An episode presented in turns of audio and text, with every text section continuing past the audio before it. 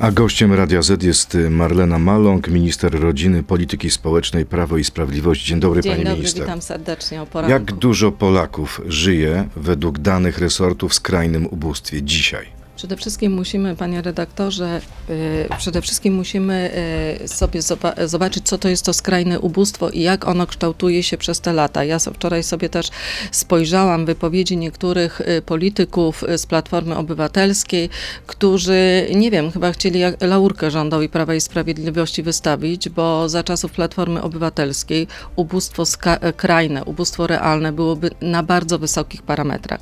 Dzisiaj ubóstwo skrajne w Polsce jest niższe, spadło w porównaniu do roku dwu- e, 2020 o 1 punkt procentowy i tutaj należałoby się zatrzymać nad tym ubóstwem skrajnym i wytłumaczyć Polakom, jaka jest metodologia. To e, ubóstwo skrajne nie jest związane z dochodami Polaków, tylko z wydatkami. E, W ten sposób tą metodologią liczy e, Główny Urząd Statystyczny i to można przede wszystkim wytłumaczyć w ten sposób, że wydatki Polaków były niższe w roku 2020-2021. To jest też związane z czasem pandemii, kiedy tych zakupów robiliśmy mniej, ale ubóstwo, i tutaj chciałabym y, podkreślić, spadło. Ubóstwo y, i skrajne, i ubóstwo realne, ekonomiczne w Polsce spada. Jak te pani słowa, pani minister, mają się do ostatniego raportu Szlachetnej Paczki, o którym mówiliśmy w wiadomościach? Ponad półtora miliona Polaków, w tym ponad 300 tysięcy dzieci, żyło w 2021 roku poniżej minimum egzystencji, czyli w skrajnym ubóstwie. No to nie są dane, którymi można się chwalić. Y, Panie redaktorze, to są dane, przede wszystkim trzeba na te dane spojrzeć kompleksowo. Jakie wsparcie dla rodzin przez rząd Prawa i Sprawiedliwości jest przygotowane i jak zmienia się ta sytuacja i jak ona wygląda na tle Unii Europejskiej. Dzisiaj, jako Polska, jesteśmy państwem z najniższymi wskaźnikami związanymi z ubóstwem na tle całej Unii Ale Europejskiej. półtora miliona Polaków to I bardzo, dlatego- bardzo dużo, i dlatego, pani minister. I dlatego Nie my można Polaków przejść nad tym do porządku dziennego. ale my absolutnie nie przechodzimy. Dlatego wsparcie, które dla Polaków w ramach polityki społecznej jest dla polskich rodzin y, dedykowane, realizowane, jest, y, pokazuje dzięki temu wsparciu, które rząd Prawa i Sprawiedliwości y, Polaków wspiera, mamy dzisiaj taką sytuację, że nie jesteśmy w ogonie Europy, tylko jesteśmy jednym z państw liderów z najniższym usem. Dlatego też to Mnie się wydaje, pani minister, że sukces byłby wtedy, kiedy tych ludzi żyjących w skrajnym ubóstwie, no byłoby kilkaset tysięcy, a nie półtora miliona. Ale absolutnie Czy tutaj... to nie jest jednak porażka rządu Prawa i Sprawiedliwości? Yy, Panie redaktorze, tutaj w ogóle nie można w takich kategoriach. To trzeba naprawdę kompleksowo spojrzeć, jakie wsparcia i dzięki tym wsparciom mamy sytuację dzisiaj taką, jaką jest. Staramy się ją zmieniać. Dzisiaj, Czyli chce pani powiedzieć, że gdyby nie, nie rząd PiSu, to, to ludzi żyjących w skrajnym ubóstwie dzisiaj byłoby 2, 3, 4 miliony? byłoby, z, oczywiście, byłoby znacznie więcej i to z pełną odpowiedzialnością, jeżeli byłaby sytuacja taka wsparcia rodzin, jaka była za rządów Platformy i y, PSL-u, to taka sytuacja mogłaby mieć miejsce, bo ja y, pokażę tylko dzisiaj nakłady na wsparcie w polityce prorodzinnej dziecka. Y, w roku 2015 średnio było to ponad 4 tysiące, dzisiaj jest to ponad 12 tysięcy. Czyli w tym przypadku nie ma pani sobie nic do zarzucenia Nie, i to- rząd Prawa i Sprawiedliwości nie ma wyrzutów sumienia? Rząd Prawa i Sprawiedliwości przede wszystkim prowadzi odpowiedzialną politykę społeczną, odpowiedzialną politykę prorodzinną, dlatego wprowadzamy nowe programy, zmieniamy sytuację polskich rodzin. Dzisiaj można e, śmiało powiedzieć, że dzisiaj bieda nie ma twarzy dziecka. To, co było za rządów pana Donalda Tuska, ta sytuacja jest dzisiaj odwrotna, ale cały Ale czas dąży... 333 tysiące Ale dzieci cały żyje czas- w skrajnym ubóstwie. Dlatego też podkreślam, panie redaktorze, że cały czas to wsparcie dla rodzin, zmieniamy tą sytuację. Tego się nie odmieni chwilę. To są, to są, Siedem lat rządzicie. no i zmieniliśmy tą sytuację, że z ostatniego prawie że miejsca w Europie z, wy- z poziomem ubóstwa jesteśmy liderem z najniższym To ubóstwem. jeszcze jeden cytat, bo e, oczywiście ubóstwo, e, nie można o tym ubóstwie mówić tylko w sensie liczbowym, bo to tak naprawdę nic człowiekowi nie daje. Aktualnie są dni, że nic nie jem. Od sierpnia schudłam 45 kilo. Mam złe wyniki, niską hemoglobinę, lekarz zaleca mi przytyć i jeść więcej buraków. Nie mogę tego zrobić, bo nie mam pieniędzy na jedzenie, opowiada pani Krystyna, która miała wypadek, dwie operacje. Ona jest cytowana w tym raporcie szlachetnej paczki. I puenta. Teraz mam długi, odcięty prąd, a na przeżycie zostaje 32 zł na miesiąc. Jedna złotówka dziennie na pół kilograma buraków. Panie redaktorze, dzisiaj przede wszystkim musielibyśmy rzeczywiście, tak jak pan powiedział, nie patrząc tylko na liczby, tylko na jakie wsparcie każdy obywatel, każdy Polak, który jest w trudnej sytuacji może liczyć. Nie Czy ma tej możliwości. kobiecie można pomóc jakoś? Oczywiście, że można pomóc. Ośrodki pomocy społecznej w danej miejscowości, w której e, osoba mieszka, udzielają wsparcia i nie ma sytuacji, żeby ktoś został pozostawiony sam sobie. Ale wie pani, że bieda i nędza to jest coś wstydliwego. To często są ludzie, do których trzeba dotrzeć, Dlatego którzy też, sami nie wychodzą na ulicę. Ale dlatego też działania, które są podejmowane, rządowe działania w, po, e, w połączeniu z samorządowymi, bo samorządowcy są e, najbliżej, e, najbliżej obywatela. My zapewniamy środki rządowe na różnorakie programy, na programy, które przede wszystkim wspierają i pozwalają godnie żyć. Między innymi właśnie programy dedykowane są w ośrodkach pomocy społecznej, przy, czy posiłek w domu i szkole, czy wszystkie formy wsparcia w ramach wsparcia opieki społecznej, one są realizowane i, i na pewno nikt nie zostaje dzisiaj pozostawiony Pani sam minister, sobie. Putin bombarduje Ukrainę. Mamy tak naprawdę blackout. Widać to najlepiej na tych zdjęciach satelitarnych. Jedna wielka czarna plama nad Ukrainą. Czy rząd jest przygotowany na kolejną milionową falę uchodźców? Oczywiście cały czas tak jak y, pomagamy, pomagaliśmy i pomagamy obywatelom Ukrainy pod każdym względem, najważniejszy ten wzgląd militarny, ale wsparcie też humanitarne, to, że obywatele Ukrainy są tutaj teraz dzisiaj z nami w Polsce, według danych, które y, po PESEL-ach y, z osób, które są u nas, to jest około półtora miliona osób. Y, Otworzyliśmy także rynek pracy. Ja to wielokrotnie podkreślam, bo praca daje poczucie godności, stabilizacji. Dziś pracuje z tych półtora miliona osób około 700 tysięcy już znalazło miejsce na naszym rynku pracy, bo jest dobra, stabilna sytuacja. Ale wie pan, jaka jest coraz częściej Tak. reakcja Polaków? E, Badania Rzeczpospolitej pokazują, że coraz więcej Polaków uważa, że Ukraińcy, którzy przebywają w Polsce, powinni współpłacić za swój pobyt. Ale Czy rząd planuje wprowadzenie innych zasad wobec uchodźców? tak jak y, pan minister Paweł Szefernaker zapowiadał, y, trwają prace nad ustawą i, i, i są rozwiązania różne, które będą przedstawione, ale to myślę, że pan minister będzie przedstawiał. Natomiast ja jeszcze do tej pracy jednak nawiążę. Dlatego to, to co czasami Polaków y, y, gdzieś tam w przestrzeni publicznej, bo tak naprawdę widzimy, że Polacy wspierają obywateli Ukrainy, to ta praca, o której mówimy, daje poczucie godności, aby Ukraińcy mogli stanąć tutaj w Polsce na, y, na twardo na swoich nogach, mogli tutaj założyć, y, y, mieszkać i w miarę spokojnie żyć, bo wiadomo, że cały czas myślami są y, z A co swoim- będzie, jeśli rzeczywiście Putinowi chodzi o wyludnienie tego kraju i naprawdę zaczną do nas napływać ludzie, którzy są pozbawieni prądu, ciepła, nie mają co jeść? Czy znajdzie się dla nich miejsce? Czy rząd jest przygotowany? No bo wydaje się, że ta pierwsza fala e, bezinteresownej pomocy minęła. E, Pytanie jest takie, gdzie ci ludzie ewentualnie będą przebywać? Czy będą specjalne miasteczka, czy będą specjalne obozy, czy, czy wciąż mogą jedynie liczyć na pomoc osób prywatnych? Y, Przede wszystkim, panie redaktorze, nie można powiedzieć, że wciąż mogą liczyć na pomoc osób prywatnych, bo jak najbardziej włączenie osób prywatnych, organizacji, ale te działania Mówię o domach, tak? O- o były mieszkaniu przede wszystkim są w tak, domach prywatnych. y, Polityką naszego państwa nie jest to, aby tworzyć obozy dla uchodźców, aby tworzyć osobne miejsca, gdzie obywatele Ukrainy mogliby przybywać. Jesteśmy przygotowani na każdą sytuację i w zależności od sytuacji będzie wdrożony y, dany wariant, który y, będzie najbardziej adekwatny. Natomiast na pewno nie pójdziemy w budowę miasteczek czy, y, czy obozów dla uchodźców. Pani minister, to czy pora na krótką piłkę? Pięć krótkich pytań. Pani może tylko tak albo nie powiedzieć. No to zaczynamy.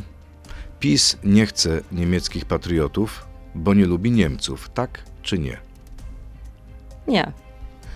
Za rok Prawo i Sprawiedliwość straci władzę, więc warto rozejrzeć się już teraz za pracą, tak czy nie? Nie. Optymistką jest pani. Program 500, jeśli chodzi o demografię, to porażka, tak czy nie? Nie. Rząd może przed wyborami wprowadzić 15 emeryturę, tak czy nie? Nie. Nie. Twarde nie. No i ostatnie pytanie. W Polsce rodzi się mniej dzieci, ponieważ kobiety dają w szyję. Tak czy nie? Pomidor. Nie tylko o pomidorach. W kolejnej części e, internetowej naszej rozmowy zapraszam Państwa na Radio ZPL, YouTube'a i Facebooka. To jest gość Radia Z. Jeśli pani myśli, że ten pomidor wystarczy, to się pani myli, pani minister. E, Nie było pani przykro, kiedy usłyszała pani te słowa prezesa Kaczyńskiego? Panie redaktorze, y, y, możemy mówić tak, że wyrwane słowa z kontekstu, możemy mówić tak naprawdę o wielu sytuacjach, y, wokół których opozycja i media tworzą odpowiednią narrację. Przede wszystkim ja patrzę w to, co rząd Prawa i Sprawiedliwości i właśnie architekt tych wszystkich zmian, pan prezes Jarosław Kaczyński wprowadza. To przede wszystkim podniesienie godności, godności rodzin, w tym kobiet, bo przecież jeżeli spojrzymy na dzisiaj w Polsce na kobiety, między innymi kobiety na rynku pracy, to sytuacja zmienia się diametralnie. W tej Unii Europejskiej, którą wielokrotnie opozycja za wzór nam stawia, luka płacowa jest na poziomie około 13%. W Polsce 4,5%. A więc Polki Luka płacowa, czyli luka płacowa, płacowa, czyli różnica między płacami mężczyzn a kobiet na porównywalnych stanowiskach. Okej, y, ten Mało ranking tego. nie kłamie, ale odczucia są jakie są. Na pewno pani widziała sondaże, na pewno widziała pani przez ostatnie dni oburzenie powszechne wśród kobiet, młodszych, starszych, że tak nie powinno się mówić. Nawet jeżeli miało się dobre intencje. Panie redaktorze, ale rzeczywiście można sobie opowiadać i wokół y, y, wyrwanych z kontekstu słów y, narrację całą uprawiać. Natomiast trzeba mówić o faktach, co ten rząd dzięki właśnie prezesowi Jarosławowi Kaczyńskiemu konkretnie wdrożył. I właśnie zmiana myślenia o rodzinie, o kobietach, to przede wszystkim jest, jest wszystkie To działania naszego prawda, rządu. bardzo dużo programów socjalnych, oczywiście. Społecznych, przepraszam, społecznych, tak społecznych. jest. Bardzo dużo programów społecznych, no jednak program 500 plus nie zafunkcjonował pozytywnie, jeśli chodzi o przyrost naturalny. Panie jeśli chodzi o demografię, mamy bardzo duży problem. Y, To teraz Kto musi... odpowiada za to? To może pytanie do pani wprost. Kto odpowiada za to, że nie rodzą się dzieci? Panie redaktorze, to musimy zrobić tutaj takie stop, zatrzymanie.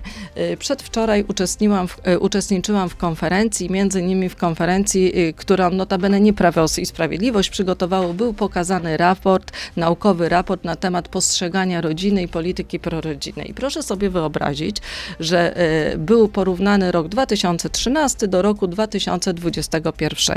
Jak Polacy postrzegają wsparcie rządu dla rodziny. Dzisiaj jest to ponad pozytywnie, bardzo dobre, jako bardzo dobre wsparcie, ponad sz- y, 60% y, ankietowanych, a w roku 2013 13%. Tej Dlaczego te polityki- dobre nastroje nie przekładają się na decyzję, tak chcę mieć dziecko? Panie redaktorze, one się przekładają. Gdyby nie było programu Rodzina 500, sytuacja demograficzna byłaby jeszcze gorsza. Przede wszystkim my, y, polityka prorodzinna musi być konsekwentna, stabilna. Młodzi ludzie muszą wiedzieć, na co mogą liczyć. Co jest młodym ludziom potrzebne, to już rozmawialiśmy. Młodzi ludzie chcą mieć dzieci, ale musimy zniwelować te przeszkody, które, y, które, y, y, które powodują, że tych decyzji nie A podejmują. wracając do I tych te słów prezesa Kaczyńskiego, czy pani zdaniem, mówiąc jakby ogólnie, styl życia współczesnych kobiet ma znaczenie dlatego, że się ma więcej dzieci, czy się decyduje wcześniej czy później na dziecko? Przede wszystkim powinniśmy, y, powinniśmy stworzyć odpowiednie warunki do tego, żeby y, można podjąć tą decyzję i te warunki stwarzamy, między innymi przez zmianę sytuacji finansowej, poprzez zmiany w polityce mieszkaniowej, ale to, co młodzi ludzie zwracają uwagę, na rynek pracy, że potrzebne są y, zmiany w zakresie elastyczności czasu pracy, stabilności umów. I to robimy poprzez właśnie zmiany w kodeksie pracy na, na y, posiedzeniu Sejmu, który będzie w przyszłym tygodniu. y, Już dokończymy zmiany. Zręcznie pani unika odpowiedzi na moje pytanie. Wracam. Czy pani zdaniem na to, co się dzieje, jeśli chodzi o przyrost naturalny, o demografię, mają, ma wpływ świadomość? Świadomość młodych kobiet, na przykład to, jak chcą żyć, czego oczekują od życia. Ale oczywiście, czy, że zmie- ale, zmie- ale to ja panu redaktorowi odpowiadam. Zmienia się, rzeczywiście zmienia się jakby podejście w pewien sposób kulturowe, podejmowanie decyzji, kiedy rodzimy dzieci. Kiedyś kobiety wcześniej rodziły, dzisiaj ta średnia są zmiany jest na dobre? My Możemy zatrzymać te zmiany, czy raczej nie My, ma szans? my te zmiany odwracamy te trendy. To właśnie strategia demograficzna i te działania, rodzinny kapitał opiekuńczy. Młodzi ludzie mówią, że potrzebują wsparcia w zakresie opieki nad nad dziećmi do trzeciego roku życia. Wprowadzamy nowy instrument, oprócz y, 500, rodzinny kapitał opiekuńczy, który pomaga tym y, rodzicom, którzy y, mają dziecko y, do trzeciego Pani roku mówi, życia. pani minister, że są trendy, że trendy się zmieniają, że są zmiany na lepsze, że gdyby nie 500 plus i rządy PiSu, byłoby gorzej. Ale mamy y, sąsiada. Na południu, y, za naszą południową granicą y, są Czechy. I okazuje się, że tam w 99 roku Czesi mieli jeden z najniższych współczynników dzietności na świecie, zaledwie 1,13. Teraz są w absolutnej czołówce w Europie.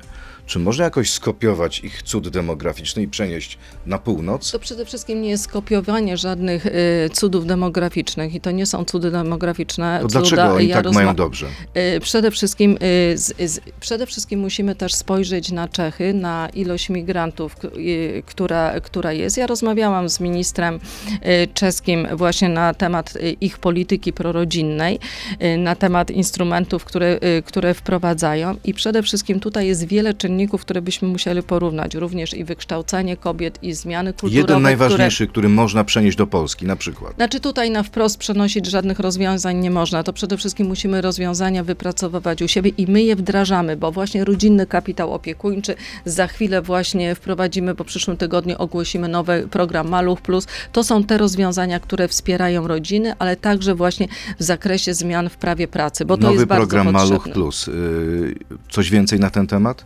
E, Nowy program Maluch Plus w przyszłym tygodniu, prawdopodobnie w środę będziemy ogłaszać. E, Jedno, co dzisiaj e, mogłabym powiedzieć, na pewno budżet tego programu będzie blisko trzy razy większy niż, niż był w poprzednich latach, a był 450 milionów, także budżet Czyli będzie półtora miliarda. będzie blisko, będzie potrojony i przede wszystkim to wsparcie w ramach opieki nad dziećmi na Kto lat będzie mógł skorzystać z tego programu? Samorządy, przede wszystkim samorządy, bo tutaj tak jak Czyli to nie będzie y, pomoc jakby y, idąca do konkretnych ludzi, tylko że można ją uzyskać z samorządów. już dzisiaj, y, bo teraz zatrzymajmy się, dzisiaj już mamy pomoc konkretnym ludziom, bo mamy dofinansowanie do opieki żłobkowej. To w tym roku wprowadziliśmy. A samorządy, aby tworzyć dodatkowe miejsca opieki żłobkowej, przyjęliśmy w Polskim Ładzie takie założenie żłobek w każdej gminie, ale w każdej gminie wtedy, kiedy on jest potrzebny. I samorządowcy dostaną konkretną informację, jakie środki mają do dyspozycji i czy chcą z nich po- I korzystać. mogą na przykład, nie wiem, wydać je na żłobki, przedszkola, na co Na, jeszcze? nie, to jest Maluch, jest to program e, opieki żłobkowej, Tylko żłobki. czyli to są żłobki czy opiekun dzienny na, na te formy wsparcia. Jeżeli samorząd tego zadania nie będzie chciał realizować, będą mogły też inne podmioty na terenie danej gminy. Czyli będzie można złożyć wniosek, że potrzebuje takiej pomocy? Dziś będzie program będzie odwrócony y, do, y, w porównaniu do tego, co było. My będziemy dawać informacje samorządowi, że według algorytmu taka i taka kwota y, jest do dyspozycji, czy samorząd podejmuje się wykonania tego zadania. Jeżeli samorząd podejmie decyzję, że nie, mamy wystarczającą liczbę żłobków u siebie, nie potrzebujemy tych miejsc opieki żłobkowej, bo to nie jest tak, że wszyscy chcą z tej opieki korzystać, wszyscy, y, y, wszystkie młode rodziny, to wtedy może skorzystać też czy organizacja pozarządowa, czy podmiot gospodarczy, który na danym terenie y, prowadzi, y, chce prowadzić żłobek, lub te pieniądze przejdą do, y, mogą przejść do innego samorządu. Minister, pani w krótkiej piłce zdecydowanie powiedziała, że przed wyborami y, rząd nie wprowadzi waloryzacji 500, 15 emerytury. Y, i- Bo jej nie ma. I nie ma szans. Panie redaktorze, my przede wszystkim, bo to jest e, już inny obszar wsparcia w ramach polityki prorodzinnej naszych seniorów, w przyszłym roku godna waloryzacja, bo kwotowo-procentowa, czyli minimum Czyli 200... o 15 emeryci zapomnijcie. E, Panie redaktorze, powiem tak, e, w ten sposób nie można odpowiadać i nie można Czyli co, Polak... można się spodziewać, że wszystkim- przed kampanią wrzucicie na Nie, przykład panie to jako redaktorze. Przede hasło, wszystkim które da wam w tym trudnym czasie, w którym przyszło nam żyć, tocząca się wojna za naszymi granicami, to wysiłki polskiego rządu, to, że mamy właśnie godną waloryzację, nie groszową, taka jak była za poprzedników, już nie wymieniając, którzy dzisiaj chcieliby pracowników y, chronić niby. Szkoda, że nie bronili za swoich czasów, kiedy wyrzut, y, y, wydłużyli wiek emerytalny, kiedy ludzie pracowali, stawka godzinowa była 3 zł. Dzisiaj ustaliliśmy minimalne wynagrodzenie, ustaliliśmy stawkę godzinową, i, a dla seniorów mamy 13 emeryturę i zapowiedzieliśmy zapowiedzianą na stałe 14 emeryturę i te dodatkowe tylko wsparcia.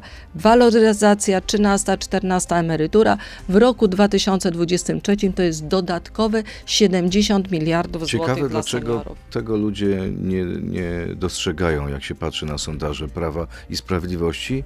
No te sondaże są z miesiąca na miesiąc y, słabsze, Panie redaktorze, gorsze. a ja powiem tak, że Czyli może skoro jest tak dobrze, dlaczego jest tak źle, jeśli chodzi o poparcie dla was? A ja bym powiedziała inaczej, bo może gdybyśmy spojrzeli realnie na to i y, na te, y, na te wszystkie wsparcia i w polityce społecznej, w polityce prorodzinnej i te działania, które rzeczywiście Prawo i Sprawiedliwość dla Polaków podejmuje, budując nowoczesną, silną Polskę opartą na rodzinie i byśmy nie, y, nie prowokowali takich negatywnych emocji, to myślę, że Polacy, a Polacy w wyborach, bo sondaże są sondażami, myślę, że Polacy w wyborach. Jest pani zwycięstwa PiSu? Pewna zwycięstwa PiSu? Ja powiem tak, robimy wszystko jako Prawo i Sprawiedliwość, aby przede wszystkim działać dla Polaków, dla Polski. Rozumiem. Czy jest szansa na to, że przed wyborami rząd ogłosi waloryzację 500+.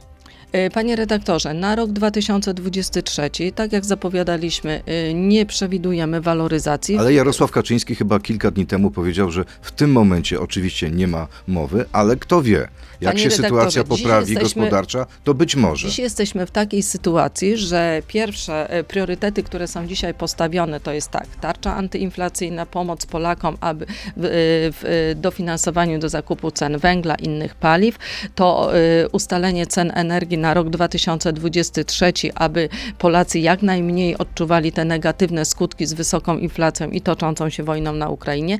Pracujemy nad cenami, ustaleniem cenami gazu, więc to są dziś priorytety i przede wszystkim przypomnę taką wypowiedź pana Donalda Tuska, kiedy w czasie kryzysu zaplanowania Platformy Obywatelskiej y, wypowiedź o płacy minimalnej. No obniżać płacy minimalnej to nie będziemy, no ale absolutnie nie będziemy podwyższać. My mamy odwrotne myślenie, my nie mamy myślenia liberalnego. Podnieśliśmy od y, w przyszłym roku dwukrotnie będzie podniesiona płaca minimalna 3490 i 3600. Stawka godzinowa dojdzie do 25 zł, a przypomnę, że za poprzedników było 3-5 Pani zł. Dzisiaj można te jeszcze Ale w tych najbliższych wyborach za rok to wy będziecie rozliczani, a nie Platforma Obywatelska, Ale oczywiście. która rządziła dawno, dawno temu. Ale to oczywiście, i z za podniesion- 8 ostatnich lat. Ale panie redaktorze, i z podniesioną głową pójdziemy do tych wyborów, podejmując działania, które podejmujemy teraz, działania, które przede wszystkim są działaniami, które są dla Polski dobre i dla To Polaków. teraz z podniesioną głową proszę o krótkie odpowiedzi na trzy krótkie pytanie naszych słuchaczy. Pani Gosia, jak będzie wyglądać finansowanie ośrodków wsparcia dla osób chorób, chorób chorych psychicznie na 23 rok? Myślę, że chodzi chyba o y, y, środowiskowe domy samopomocy, bo nie wiem o, o jakich konkretnie tutaj y, pani myślała wsparciach. Oczywiście to wsparcie będzie po, zwiększone, ponieważ jest to zadanie, które zlecamy samorządom, wykonują to samorządy. Dzisiaj wynosi to wsparcie około 2000, będzie wynosiło z tego co pamiętam chyba 2250 zł, plus zwiększenie dla osób z chorobami psychicznymi to będzie blisko 3000 zł Kolejne pytanie. na uczestnika. Kolejne pytanie, Łukasz. Ministerstwo Rodziny pracuje nad wyłączeniem świadczenia uzupełniającego dla osób niezdolnych do samodzielnej egzystencji, kiedy osoby mieszkające w DPS-ach nie będą miały potrącane ze świadczenia na rzecz DPS-u. Znaczy tutaj to jest takie dość y, zawiłe to pytanie, bym powiedziała. Stawki, y, stawki jakie, y, jakie, jakie płacą mieszkańcy DPS-ów, ich rodziny są ustalane według algorytmu przez samorządy i przede wszystkim jeżeli chodzi o wyłączenie świadczenia tak zwanego 500 plus dla osób niesamodzielnych, różne są analizy, ponieważ pracuje pełnomocnik rządu do spraw osób niepełnosprawnych nad kompleksowymi rozwiązaniami w ramach wdrożenia konwencji o, y, o prawach osób niepełnosprawnych. Tam jest szereg pakiet zmian, więc jeżeli to ma być przedstawione na wiosnę tego roku, także tutaj y, będziemy dopiero podejmować y, decyzję o wyłączeniach czy włączeniach, jeżeli taką w ogóle propozycję pan pełnomocnik, który najlepiej się zna, zaproponuje. Kolejne pytanie, Polish Wolf. Dlaczego za osoby uczące się nie uznaje się studentów, przez co odcina się ich od programów społecznych? Czy pani ma wyrzuty, jeszcze nawiązanie o co pytałem, e, wyrzuty sumienia po słowach prezesa Kaczyńskiego na temat kobiet? Nie, ja nie mam żadnych wyrzutów, bo to, ile pan y, prezes Jarosław Kaczyński, ja to nazywam jako architekt tych dobrych zmian dla polityki ro rodzinnej zrobił w Polsce, to poprzednicy nie zrobili. I powiem, że nie mam żadnych wyrzutów w tym zakresie. To teraz informacja, do której dotarł reporter Radia Z. W przynajmniej pięciu polskich ministerstwach zamontowane są chińskie kamery Hikvision. E, okazuje się, że producent z Chin tych kamer został wpisany przez rząd USA na czarną listę i uznany jako zagrożenie dla bezpieczeństwa państwa. Okazuje się też, że państwa, pani resort, jest tym resortem, który zdecydował się usunąć te kamery kontrowersyjnej firmy. E, czy macie tak dobry dział śledczy, czy świetnych informatyków? Dlaczego to zrobiliście? E, powiem tak, że polityka bezpieczeństwa, która jest u nas uporządkowana, unormowana i za tą politykę odpowiada zarówno i Departament Informatyki, ale także Departament e, Administracji, przede wszystkim bada zgodność wszystkich urządzeń i, mm, i certyfikację ich. Dlatego też została podjęta na poziomie dyrektorskim już ta decyzja o tym, że tych kamer nie będziemy y, y, zamontować, nie jest to zgodne z polityką bezpieczeństwa. Przede wszystkim bezpieczeństwo pracowników ministerstwa, y, którzy przebywają, jest dla nas priorytetem i nie możemy, i skoro mamy informacje, wiemy, że jest to niebezpieczne, ponieważ jest inwigilacja, w, nie możemy dopuścić do tego, żeby takie kamery to były może Państwo podzielą się swoimi doświadczeniami z pozostałymi resortami, no bo jednak w pięciu polskich wszystkich ministerstwach zostały te kamery zamontowane, a są to kamery, które służą tak naprawdę do inwigilacji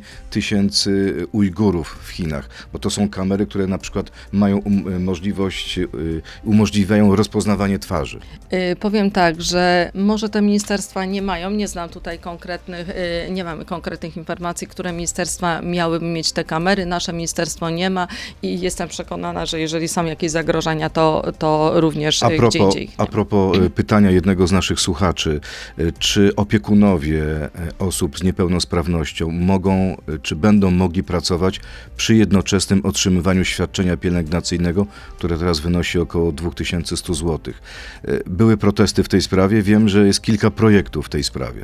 Panie redaktorze, nie będę się wypowiadała na temat projektów, bo możemy powiedzieć, że dużo kartek leży na stole, tak jak tutaj no u nas. Właśnie. Natomiast ja, powie, ja powiem tak, że wsparcie dla osób niepełnosprawnych, w tym opiekunów, to co właśnie przez te ostatnie 7 lat zostało zrobione, zderzenie na dużych liczbach. Dzisiaj nakłady ponad 37 miliardów złotych, rok 2015 ponad 15 miliardów złotych, czyli wzrost blisko o 22 miliardy złotych. Wdrożony Fundusz Solidarnościowy, gdzie jest asystencja osób niepełnosprawnych, czyli program niezmiernie oczekiwany przez opiekunów, opieka wytchnieniowa, tworzenie centrów opiekuńczo-mieszkalnych.